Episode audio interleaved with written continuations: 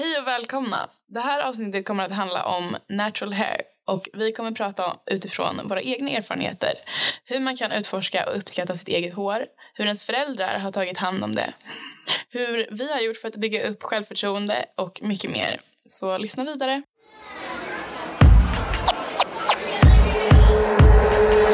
POC Aura.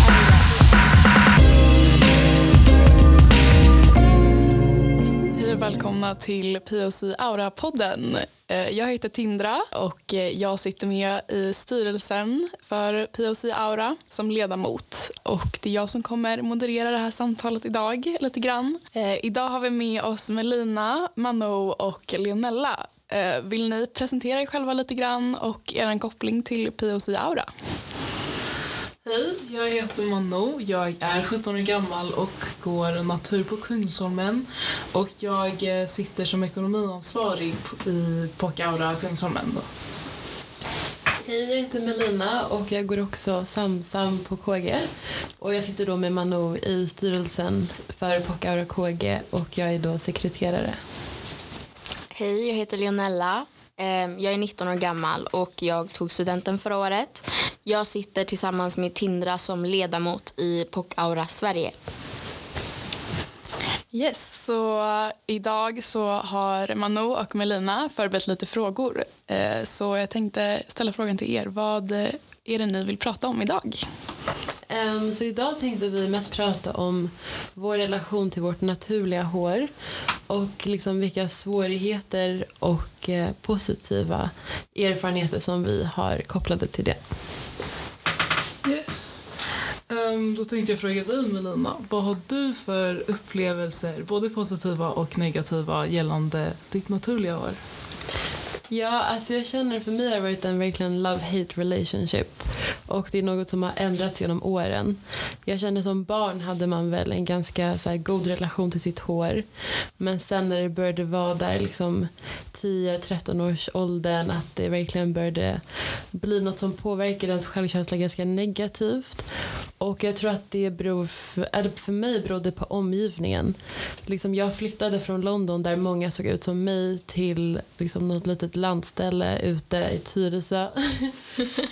Där alla ville röra på mitt hår och plötsligt fanns det inga produkter som kunde hjälpa mig och ingen kunde ge mig råd för hur jag skulle ta hand om det. Och jag tror att det var det som gjorde det så svårt för mig att acceptera mitt naturliga hår. Jag relaterar verkligen också för jag känner som du att när jag var liten så var det min mamma som tog hand om mitt hår och då tänkte inte jag på det överhuvudtaget. Det var verkligen så här, ja det här är mitt hår, fint och så.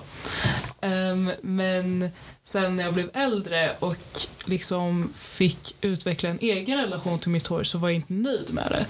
Det var verkligen, jag ville ha platt hår, jag ville se ut som alla andra och um, jag kommer ihåg någon gång när jag var typ runt åtta så bad jag min mamma platta mitt hår så vi åkte till frisören och så plattade vi mitt hår och jag var så nöjd och så här, verkligen jätteglad. Men sen när vi kom hem så skulle jag gå och sova och så ville mamma baka två inbakade, eller baka, fläta två inbakade flätor. Ehm, för hon inte ville att det skulle bli russigt liksom. Och då blev jag så ledsen för jag vill inte ha så här lockigt hår, jag vill inte ha vågigt hår överhuvudtaget. Jag vill att det skulle vara platt. Ehm, och det bara visar hur Alltså relationen går ju upp och ner. För nu är jag verkligen glad att jag har hår som jag har.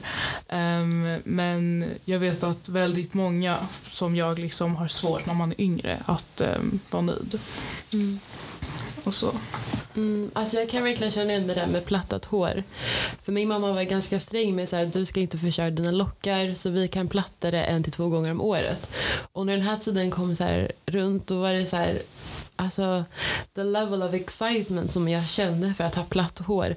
Och när jag tittar tillbaka på bilder, det var inte ens fint. Liksom, det, går, det går inte att göra lockigt hår spikrakt och liksom shiny och så som man ville ha. Men ändå var det sån liksom, desperathet över att tillhöra den vita omgivningen man hade. Och det är väl det som är typ så sorgligt när man tittar tillbaka på barndomen också. Ja, jag håller verkligen med. Sen så är det ju också typ ehm, i skolan så har det ju också varit liksom stunder där man känner sig obekväm. För folk bara, ah, jag måste röra på ditt hår, det är så fluffigt. Eller så här, det verkar så mjukt. Um, och man bara, det är inte liksom något som är där för att du ska röra på det. Det är liksom ditt hår, herregud. Du kan inte bara tro att, ja, det, det var en jätteskum kommentar som jag tror väldigt många får höra. Och man blir så här obekväm. Man bara, varför? Det känns som något som visar sig på något museum eller någonting. Så Verkligen. är Just, så speciellt. alltså just det, det du sa, att så här, jag måste. Alltså det kunde jag också få höra. Folk som bara, jag måste. Man bara, du måste inte någonting. Alltså, helt sjukt. helt sjukt. Jag måste. Man bara, snälla. Fy Verkligen. fan alltså. Eh, Leonella, hur har din relation till ditt hår varit Ehm, under uppväxten? Ja, så jag relaterar så mycket till det här med att så här, det var min mamma som fixade mitt hår. Eh, och jag växte liksom upp med att jag inte alltså, behövde tänka så mycket på det. Hon brukade liksom fläta det, sätta upp det och jag gjorde liksom min grej när jag var liten. Eh, och sen... Eh, alltså jag... Jag vet inte, jag tänkte egentligen inte så mycket på alltså, hur jag såg ut tills Eh, jag var kanske typ så här 11 eller 12. Eh, och jag minns att jag hade typ frågat min mamma om det gick att platta mitt hår. Och hon, alltså hon typ lurade mig och sa att det inte gick. Alltså att det liksom skulle gå sönder och att det skulle falla av. Och jag tror att jag, jag, tror att jag alltså bad om att eh, typ rakpermanenta det när jag var liten. Men eh, hon bara så här, du kommer få sår i alltså, hårbotten och det kommer falla ut liksom. Så eh, jag har för mig att jag liksom frågade om det gick och bad om det. Men att hon verkligen, alltså hon intalade mig liksom att det inte alls eh, gick. Eh, så jag var okej. Och tänkte inte så mycket mer på det. Och sen så eh, skulle jag gå och klippa håret. Och det här var liksom, jag hade precis flyttat till eh, Akalla. Så fanns det liksom en afrosalong. Eh, och det är också en till sån grej att alltså det var så jävla sällan som jag typ eh, ens brukade alltså, fixa håret eller så här, klippa mig och sånt. För att jag tänkte alltid att det måste vara på en sån här salong. Alltså de gångerna som jag provade att gå till typ vita salonger så alltså fuckade de upp det totalt. Och det är också en till jag vet inte, så fuckad grej att man inte har den alltså, tillgängligheten liksom. Ehm, men så jag gick dit i alla fall och bad om att få håret klippt. Och då plattade de faktiskt, faktiskt mitt hår för första gången. Och jag minns verkligen att jag bara så här, what the fuck? Så här, jag, jag minns att jag sa till mamma, du bara, du sa att det inte funkade, vad är det här liksom? Och jag var så sjukt glad och alltså verkligen gick runt så här, skakade på huvudet och bara, wow, det är så lätt och det är så skönt. Ehm, och det var samma grej där, att när jag skulle gå och lägga mig, man måste ju verkligen så stretcha ut håret på något sätt för att jag ska gå och sova i det utan att det liksom blir ehm, alltså typ fluffigt eller att det börjar återgå ja, eh, till lockarna. Ehm, så jag hatade, alltså jag hatade när jag skulle sova och behövde liksom sätta upp det. Alltså jag ville bara, som du sa, att jag ville bara ha det platt hela tiden. Ehm, men vad heter det? Ja. Och ja, så det var, ja, alltså det, det var jättekul att alltså kunna se att det gick att experimentera med håret och ha andra styles, det gick att ha andra textures. Men det var inte, alltså Ja, jag vet inte. Alltså det... Man fick ju många kommentarer om att så här, åh gud vad fint, det är så mycket finare så här. Du borde göra så här oftare, typ. Um, så det var inte en jättebra outcome på det sättet liksom. Det kan jag också känna igen mig vid. Att eh, folk la den kommentaren att så här, wow, ditt hår är så mycket finare platt. Och jag bara, typ, alltså, då, då visste man inte bättre. Då sa man bara Ja. tack. Men, Ja, ja. Jag tror att alla har hört den kommentaren och det var väl det som förstärkte det här behovet typ, av att platta håret. När alla säger att du är så mycket finare så. Varför skulle man då inte vilja ha platt hår liksom? Nej, precis.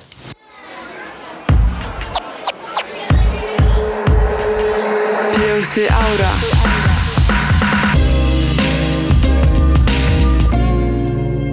Jag tänker också liksom det här med platt hår om man tar det till typ arbetsplatser. Att det är mer professionellt och att man då också tänker okej om jag ska få en intervju ska jag ha platt hår och inte typ Ja. afro eller um, typ dreads som vissa har liksom. Mm. Um, Och det var, då är det väl självklart att man anpassar sig till det som är normalt eller professionellt eller fint. Um, och det är väl det som måste ändras egentligen, hur man ser på det bara. 100 procent. 100 procent. Verkligen. Ja, alltså det, ja, det är liksom... ehm, ja, alltså jag har typ växt upp med att kvinnorna i mitt liv, eller om man ska säga, alltid typ brukar platta sitt hår vid eh, alltså högtider, eh, bröllop, fester. Så det är liksom någonting som ändå har varit inpräntat i mitt huvud att när man vill vara fin så plattar man sitt hår. Eh, när man vill se proffsig ut så plattar man sitt hår. Och det är verkligen, det är verkligen helt sjukt.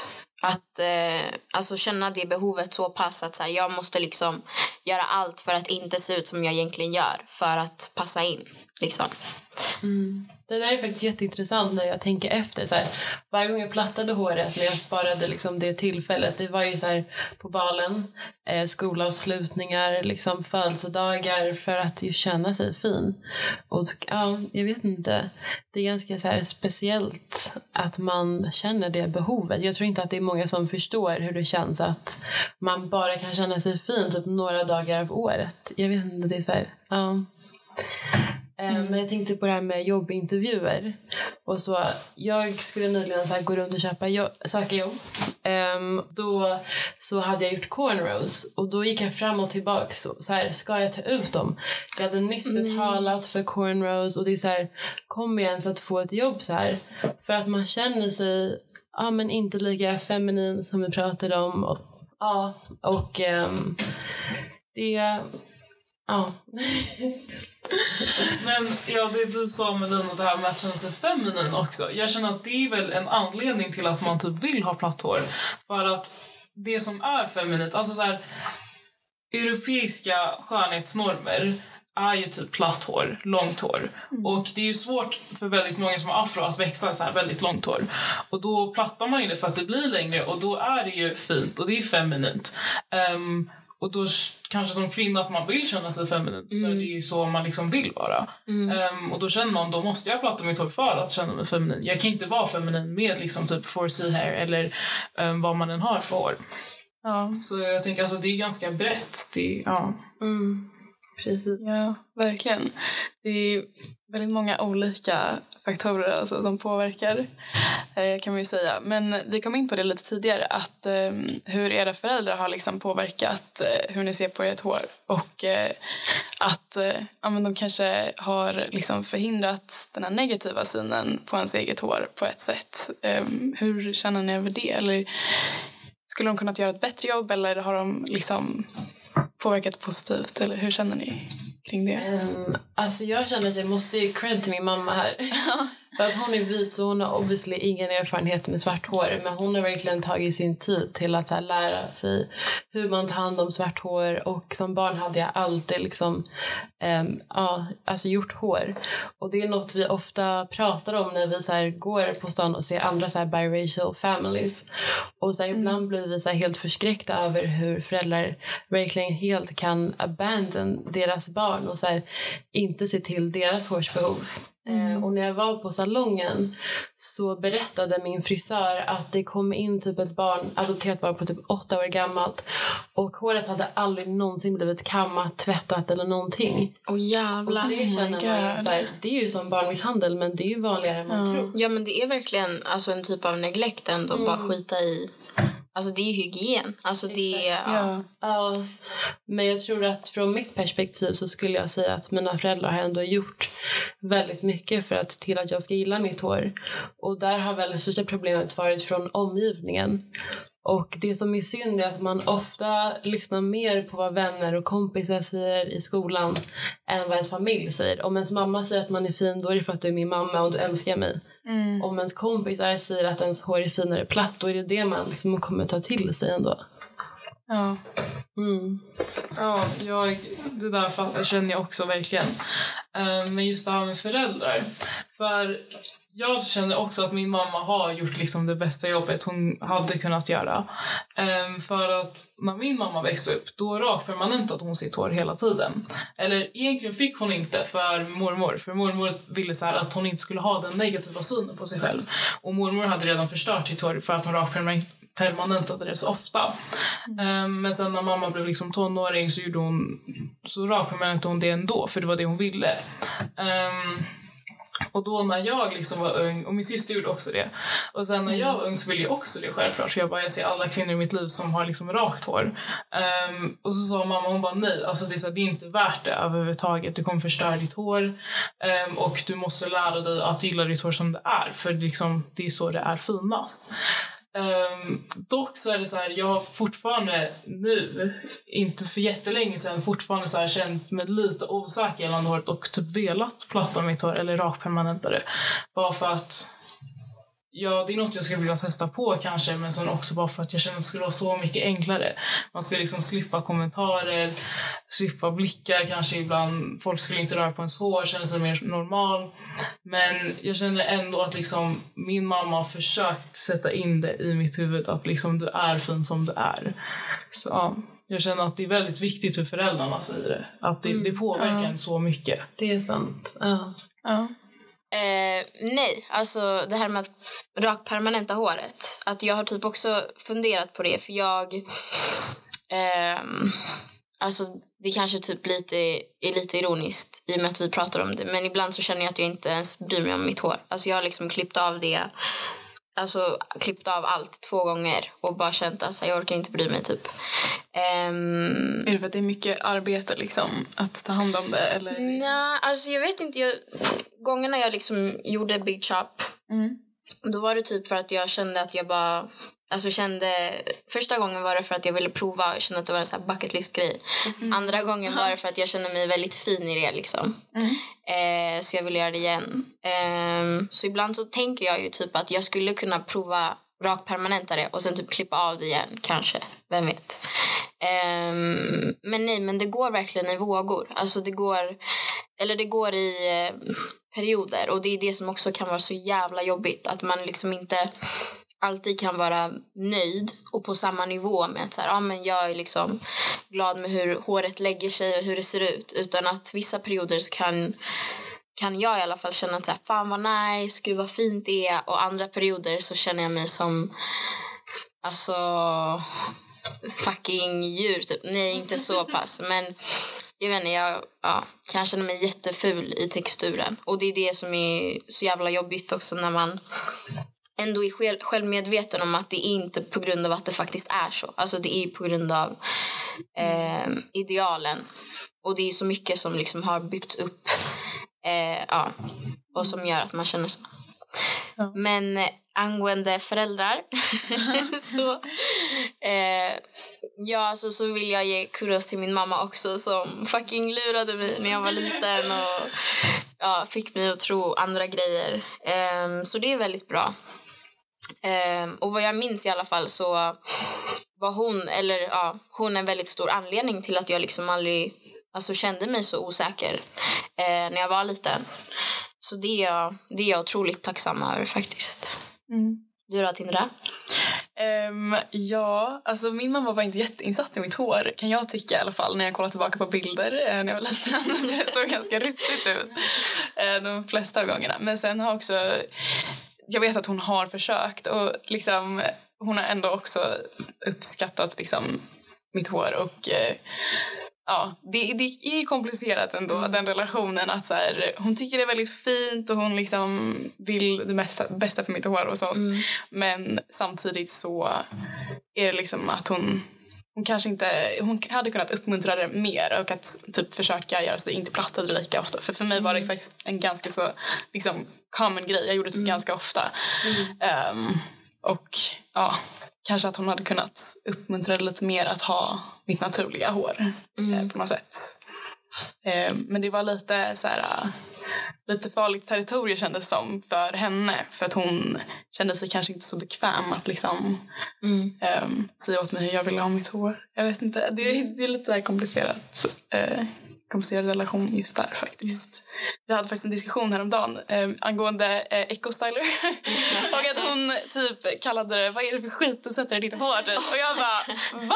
Vad säger du? typ, och blev jätteledsen Ja. och tog jätteilla upp typ. Ehm, och ja, jag tänkte, ja men det kände jag ändå visa lite att hon kanske inte riktigt förstår så här, att det kan vara lite känsligt typ. Ehm, så att vi är inte riktigt på samma bana.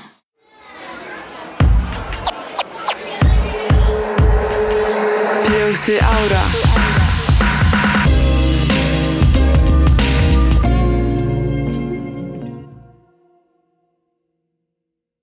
Men eh, jag tänkte på det att, eh, att liksom vilja ändå experimentera med sitt hår och att ehm, vad, eller för mig har det i alla fall känts som att det står, eller det står lite i vägen att Um, man ändå vill typ behålla sina lockar um, för att då liksom eh, kämpa emot det som alltså, eh, normerna och liksom försöka make statement men då att man ändå har så här bakhuvudet bara, fan jag skulle vilja göra så här och typ ja men rak permanenta men det, det går emot mina principer typ. Hur känner ni kring det? Mm, alltså vi pratade lite om det här innan. Om att så här, om jag att relaxa mitt hår är det att neka vart jag kommer ifrån och liksom att neka min svarthet. Ehm, och jag tycker att det är väldigt subjektivt för att om du, till exempel om vi pratar om att så bleka ens hy.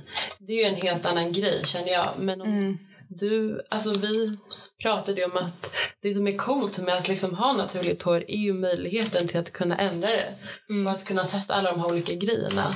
Och det är lite den insikten som har fått mig att acceptera mitt naturliga hår. Att så här, okej, mina vänner har fint rakt hår men de kommer ju nästan bara kunna ha den hårstilen. Medan jag kan ha braids, jag kan ha wigs, jag kan relaxa det, jag kan ha det naturligt. Ehm, så därför tycker jag inte alltså nödvändigtvis att det är fel att då raka permanenta håret. Så länge man inte gör det för att man hatar sin svarthet. För att bluntly liksom. Ja. Vad tycker du? Um, jag håller, alltså vi pratade ju om det här tidigare och jag håller verkligen med. Och jag känner också att typ andra svarta kvinnor, för till exempel jag berättade att jag ibland brukar kolla på så här Youtube-videos när folk typ så här fixar sitt hår eller någonting för jag tycker det är jättemysigt. Ehm, och så kom jag in på något där det var någon som skulle rakpermanenta sitt hår. Och i kommentarerna så var det liksom typ två grupper. Det var ju så här några svarta kvinnor som bara åh you do you, alltså så här jättefint att du vill rakpermanenta ditt hår, det kanske är enklare att ta hand om det då. Och sen så var det några som bara du nekar liksom din svarthet, du är inte dig själv, du vill leka att du är vit eller någonting. Typ, eller du är pretentiös liksom. Jag känner att man ska kunna få göra vad man vill utan att någon har någonting att säga om det.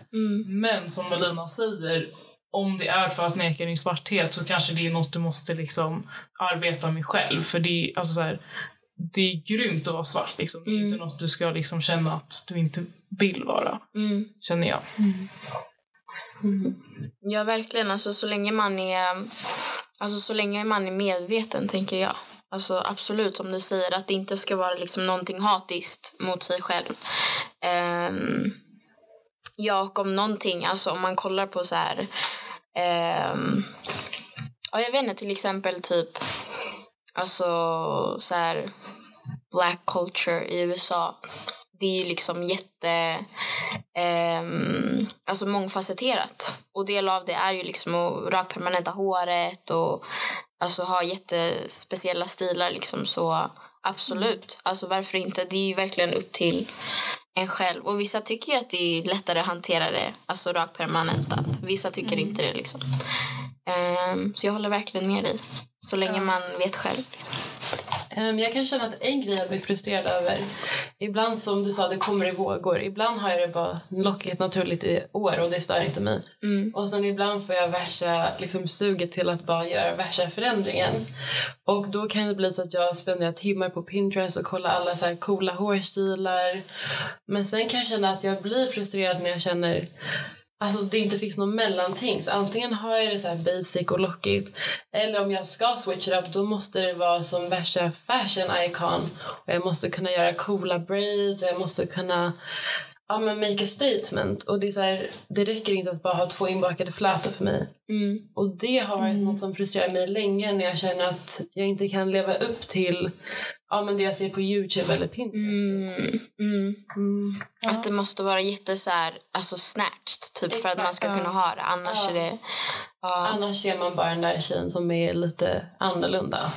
Eller att det är lite... Ja, nej, men jag kopplar vad du menar. Det är fett fuckat. Alltså att... ehm, att det ska vara så jättehög standard.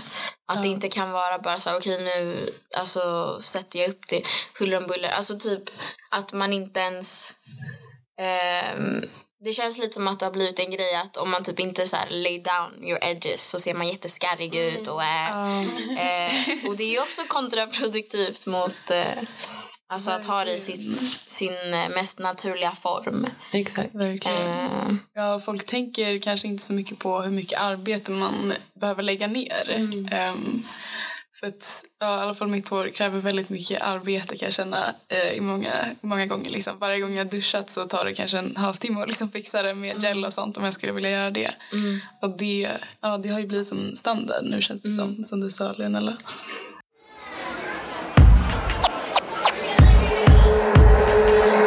POC Aura.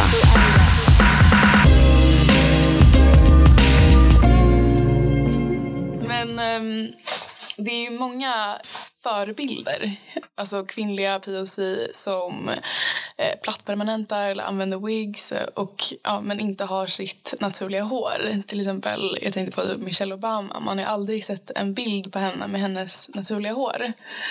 ja men alltså typ eh, alltså att det är många liksom stora kända Typ alltså, Rihanna och... Meghan Markle. Meghan Ja, Markle. Ja. Exakt. Vad tycker vi egentligen om det? Ja, alltså jag känner att det är klart man alltid vill se mer representation. För att det är ju det som alltså, höjer ens självkänsla. Mm. Ehm, Exakt. Sen är ju det vi var inne på tidigare, så att de har ju en rättighet till att bestämma. Ja. Men jag kan samtidigt känna att de har en liten skyldighet till att nå ut till unga svarta tjejer över hela världen. Ja. Eh, Eftersom de har en sån stor ja, men plattform. De skulle kunna göra sån stor skillnad om de valde kanske att bära sitt naturliga hår lite mer. Ja. Så det är väl också en tolkningsfråga, liksom, om man har en viss skyldighet också att ja, men, bidra till representationen som verkligen fattas i vårt samhälle. Ja. Ja, jag håller verkligen med. Och jag känner att det här har tagits upp några gånger och då har liksom typ bortförklaringen varit att man får inte typ så acting roles eller typ eh, man blir inte promotad om man har sitt naturliga hår. Och då tänker jag man måste ju börja någonstans. Alltså det kommer aldrig ändras om folk inte är villiga att liksom ta den risken. Särskilt folk som jo, men kända människor som många ser upp till. Ehm, och det är så här, jag vet inte, det känns lite som en sacrifice for the greater good om man liksom faktiskt Ja, man kanske inte, jag vet inte, folk kanske hatar på en om man har sitt naturliga men det är bara att ta det, ärligt talat. Ja, Okej, nu kanske jag bara säger så här, jag har inte varit i den positionen.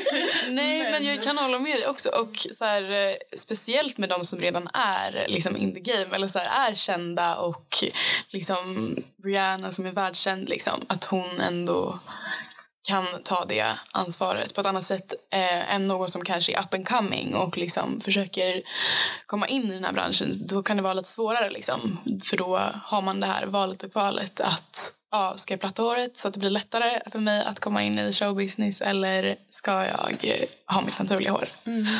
Jag kan känna att det du sa Mano, att det är, så här, att det är grymt att vara svart.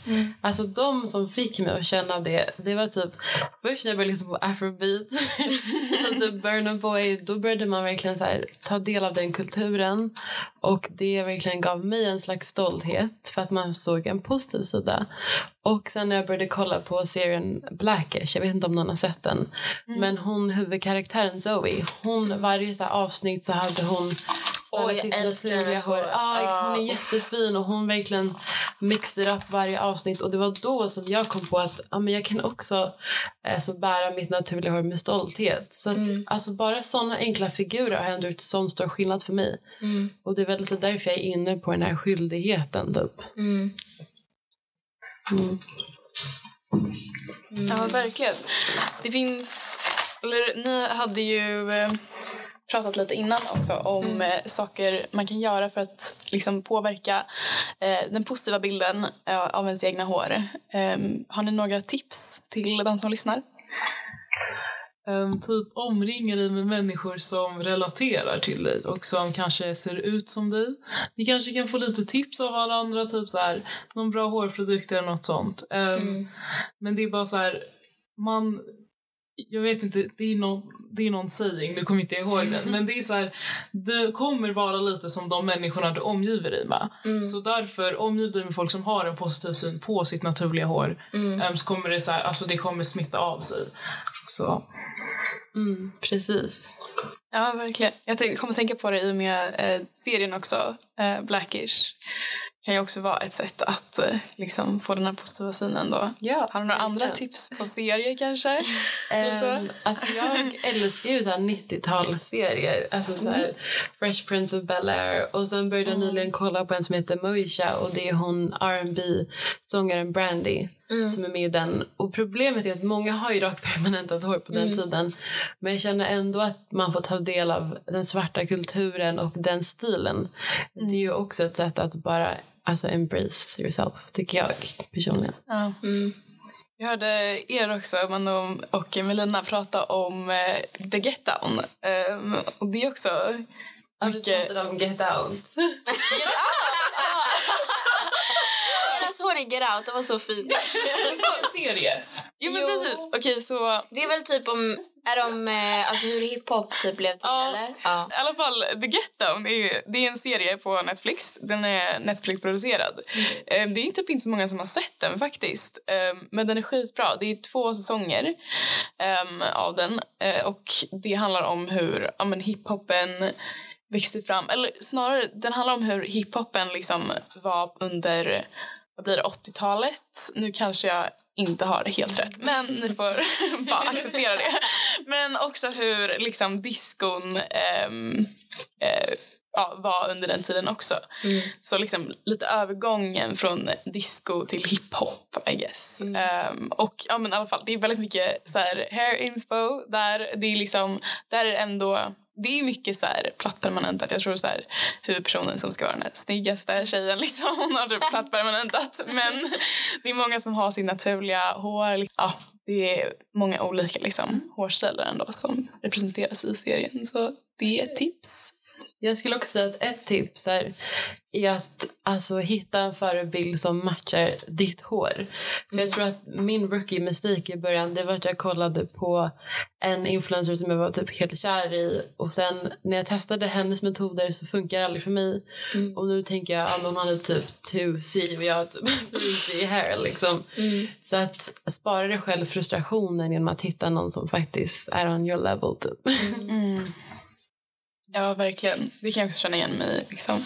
När man kollar Pinterest och bara åh den här hårstilen vill jag ha men sen så bara fuck hon har inte alls samma lockar som jag har. Så att, eh, verkligen bra tips. Sen tänker jag lite så här som samhälle vi ska arbeta framåt liksom ehm, att förändra det här. Och det här, det här kan ju inte vi som liksom personer eller så här, ehm, individer kanske ändra. Men typ det här med tillgänglighet, att liksom att det ska finnas ehm, produkter för liksom vårt hår tillgängligt. Man ska inte behöva åka en och en halv timme för att hitta så här, någon jättedyr produkt. Exakt. Nej. Alltså, det var något land, jag kommer inte ihåg vilket det var, men de har gjort det obligatoriskt där för frisörer att lära sig om afrohår. Och det borde ju typ vara självklart i Ja, alla alltså, länder. Alltså, när man verkligen. efter så är det sjukt att man i Sverige inte behöver det i sin utbildning. Ja. Det är som att en läkare bara ska kunna operera på vita människor. Alltså, Och det är typ så ja, är då. ja, exakt. men Eh, men ja, så det är väl liksom första steget i rätt riktning tycker jag. Ehm, att alla ska kunna gå till samma frisör. För att även om man hittar nu bra afrosalonger i Stockholm så är de ju trippelt så dyra. mm, Ehm, med all rätt ändå eftersom de är de enda som finns tillgängliga. ja, verkligen. Eh, ja, alltså jag tycker att eh, jag tycker att man ska kunna gå in på typ en matbutik och bara så här, okej okay, nice, här hittar jag liksom produkter. Det tycker jag är väldigt absurt att, alltså om jag går in på typ Ica så kommer jag att hitta typ torrschampo, jag kommer hitta, eh, alltså typ, eh, vad fan heter det? Ja men sån här spray och skit som folk använder typ, ja. Eh, och sen schampo balsam och så är det det liksom. Jag tycker att det ska finnas mycket, ja, lite mer i alla fall.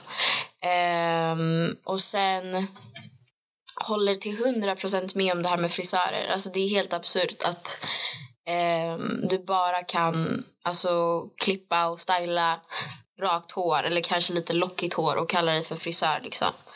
Um, och sen tycker jag typ också att Alltså jag vet inte, jag tror typ också att vi som samhälle, eller jag vet inte, måste jobba på att få bort den här eh, negativa konnotationen till att inte ha stylat sitt hår till liksom maxnivå och ha så värsta flätorna eller värsta laid down edges. Alltså man ska liksom kunna eh, inte göra någonting med sitt hår och ändå liksom känna att man är på topp.